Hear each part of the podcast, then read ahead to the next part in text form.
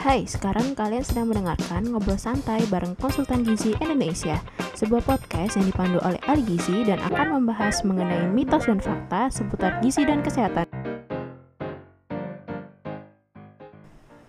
Halo sahabat Kozi, ketemu lagi di podcast Ngobrol Santai bareng Konsultan Gizi Indonesia. Seperti yang dijanjikan di episode perkenalan kemarin, untuk podcast Ngobrol Santai ini, Konsultan Gizi Indonesia bakal membahas seputar mitos dan fakta tentang gizi dan kesehatan. Nah, hari ini saya nggak sendiri nih. Saya ditemani oleh salah satu tim expert dari konsultan gizi. Silakan memperkenalkan diri nih tamunya. Halo sahabat Kozi semuanya, saya Adiba. Jadi uh, sama dengan Filza, saya salah satu tim uh, expert dari konsultan gizi juga. Oke, senang sekali akhirnya kita punya podcast ya, Filza. Iya sama apa namanya ikut kelas belajar gitu. Oke tadi Filza sempat uh, mention nih dan memang dari perkenalan di awal bahwa podcast dari konsultan gizi ini akan fokus di mitos fakta. Kita langsung bahas aja nih kira-kira hari ini kita mau bahas mitos dan fakta seputar apa nih?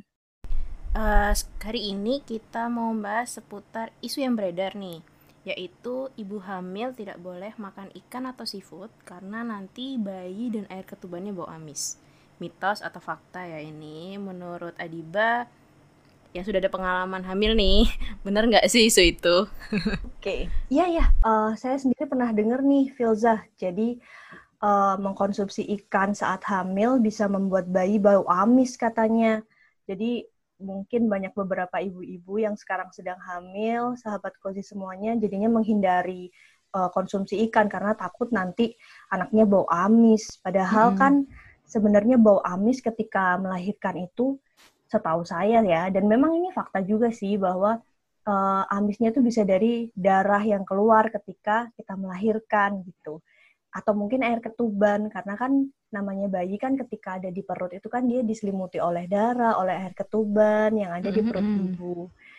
Jadi ketika lahir jelas aja baunya kan sedikit amis, tapi itu bukan gara-gara ikan. Jadi mitos yang terdengar, oh iya nih, jadi bukan gara-gara ikannya. Padahal sebenarnya ikan itu punya ini ya, punya manfaat yang tinggi di. Mm, mm, mm. Benar, benar, benar untuk ibu hamil khususnya dari gizi karena kan ada sumber protein tuh. Ya nggak, Phil? Iya, benar. Jadi kayaknya perlu di-highlight ya. Memang ikan itu sebenarnya penting ya Diba ya untuk konsumsi ibu hamil. Jadi yang saya baca dari beberapa jurnal itu memang makanan laut dan ikan termasuk kerang juga itu adalah sumber protein, sumber zat besi dan sumber seng. Jadi, ketiga zat gizi ini penting untuk pertumbuhan dan perkembangan bayi selama dalam kandungan. Nah, selain zat gizi tadi itu ada juga kandungan asam lemak omega 3 yang biasanya kita kenal itu jenisnya DHA. Ah iya betul biasanya ibu hamil kan ini nih disarankan untuk banyak konsumsi DHA ya karena untuk perkembangan janin. Mm-mm.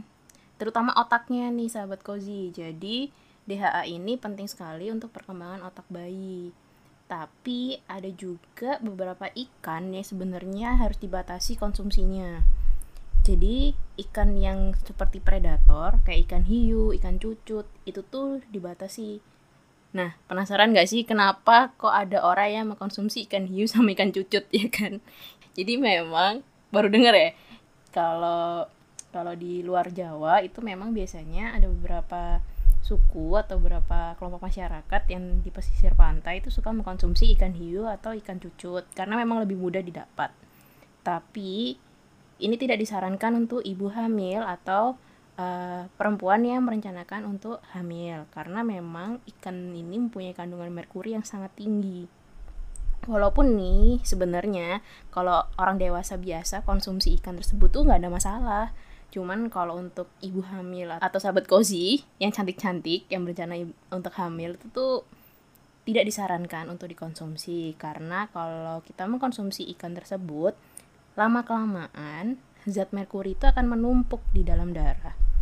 Nah, efeknya bisa merusak perkembangan otak dan sistem saraf dari si bayi itu. Jadi agak bahaya juga efeknya. Hmm, ya. Kemudian kalau misalnya ada alternatif lain gitu, Phil, Philza, nah. kira-kira ikan apa nih yang dikonsumsi nih? Nah, kalau untuk alternatifnya jenis ikan yang pertama rendah merkuri nih jadi aman untuk dikonsumsi tapi juga mengandung asam lemak omega 3 yang bagus untuk perkembangan otak bayi itu biasanya kita sering lihat kok di pasar atau di supermarket sebenarnya jadi contohnya ada ikan salmon terus ikan teri murah meriah. Ikan sarden ikan nila ikan lele atau kita juga bisa konsumsi udang. Nah biasanya kalau sahabat kosi urban yang susah ke pasar yang tidak bisa menemukan ikan segar bisa juga mengkonsumsi tuna kaleng. Namun untuk tuna kaleng sendiri dibatasi diba konsumsinya untuk ibu hamil. Hanya diperbolehkan satu kaleng per minggu karena kandungan dari uh, garam si tuna kaleng ini cukup tinggi untuk ibu hamil, jadi memang dibatasi. Oh, karena ini ya proses uh, apa namanya pengawetan di kaleng itu ya? Bener banget. Jadi memang karena tuna kaleng ini ada garamnya yang lebih tinggi, jadi agak hati-hati untuk ibu hamil.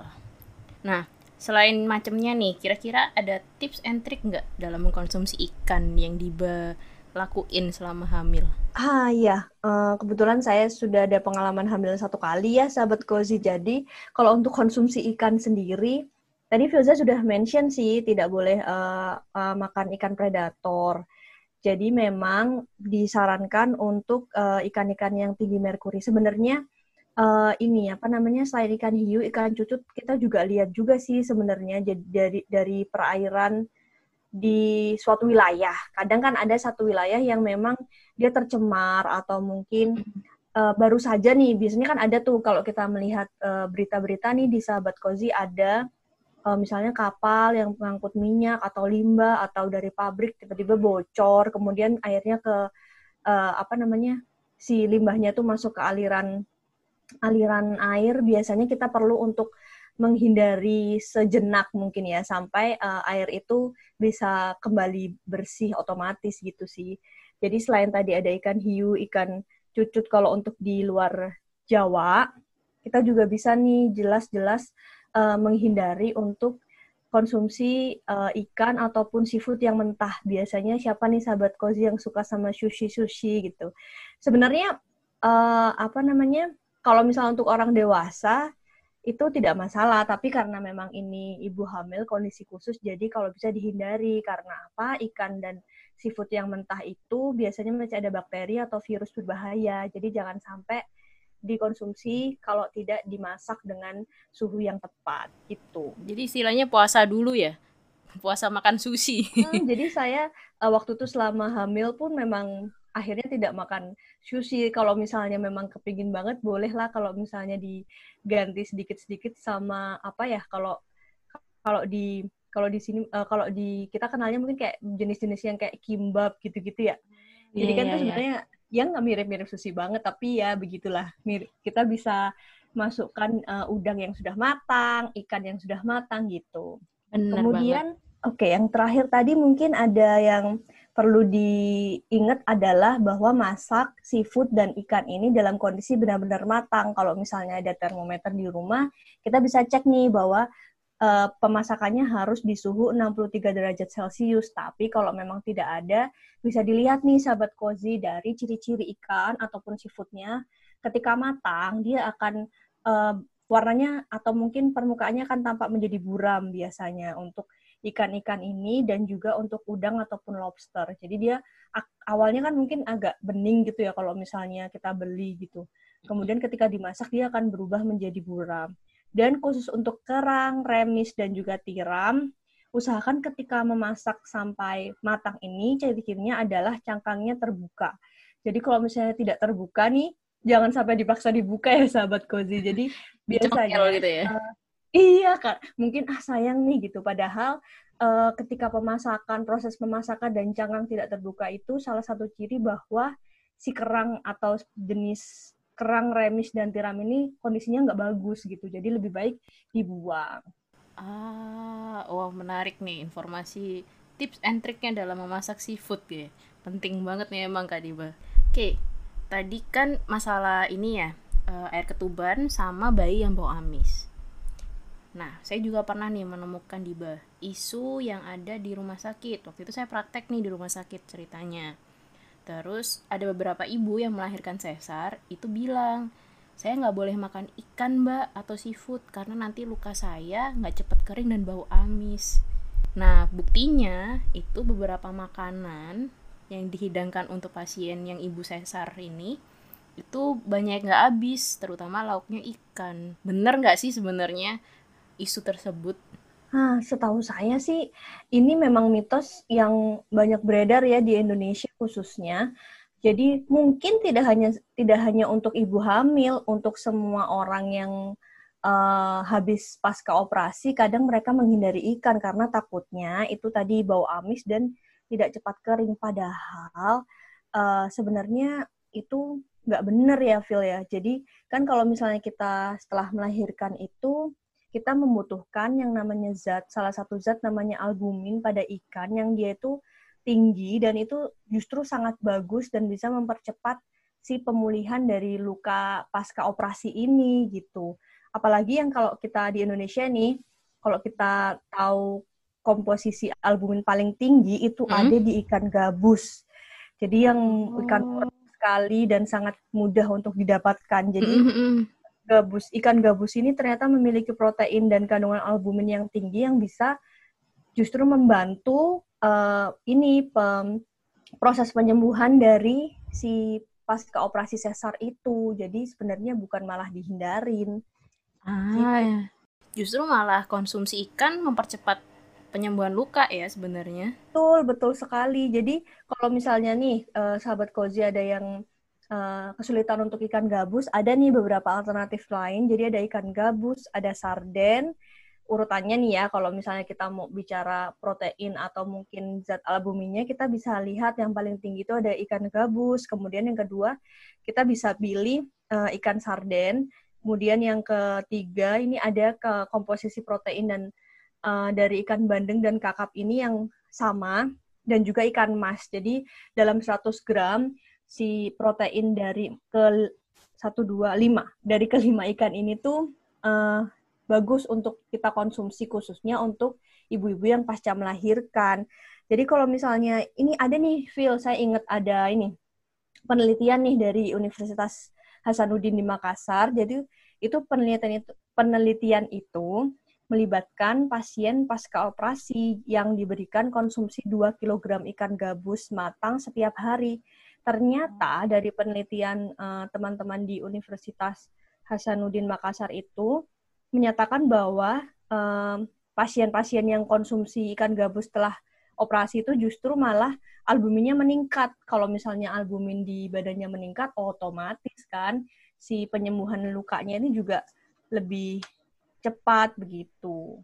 Uh, fakta menarik juga ya Kak Diba. Ternyata ikan itu bisa meningkatkan albumin dan mempercepat pemulihan luka pasca operasi sebenarnya dan udah teruji di Universitas Hasanuddin. Karena sudah ada penelitiannya kan, jadi kita ngerti mm. nih mana yang mana yang sudah berdasarkan penelitian atau cuma sekedar mitos kata orang, kata orang gitu ya. Benar, benar.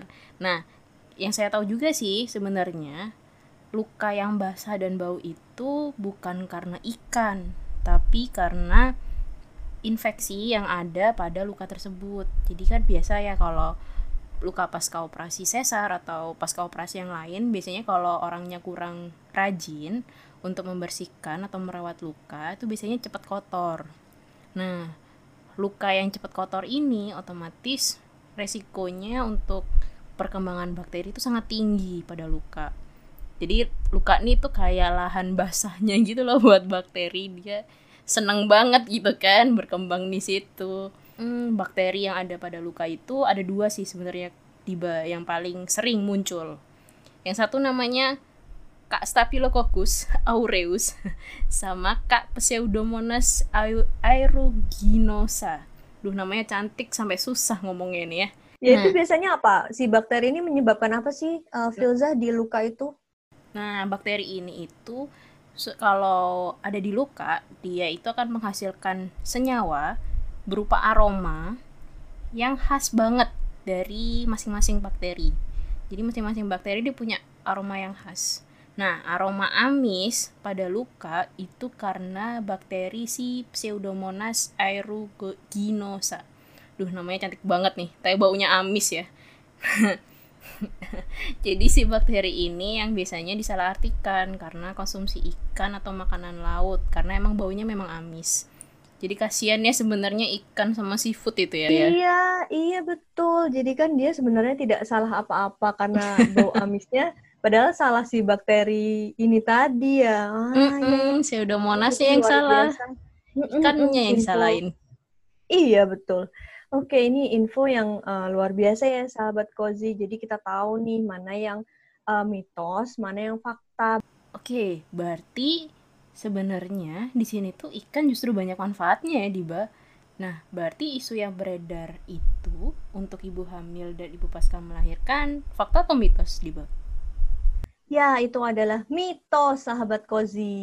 Ye, jadi kita tahu nih faktanya yang benar yang mana ya, Filzah bukan hanya sekedar fakta, tapi kita juga mengulas nih dari hasil penelitian yang sudah ada, betul nggak? Benar banget. Jadi ibu hamil dan ibu yang pasca melahirkan, terutama dengan sesar, itu sangat membutuhkan konsumsi ikan dengan jumlah dan frekuensi yang sesuai dengan kondisi ibu. Jadi sahabat Kozi kita sekarang sudah tahu nih bahwa informasi tentang ikan yang tidak boleh dikonsumsi untuk ibu hamil dan ibu melahirkan pasca sesar itu adalah hoax. Oke sahabat Kozi, sampai ketemu di mitos fakta selanjutnya. Salam jiwa anti mitos dan hoax. Bye-bye.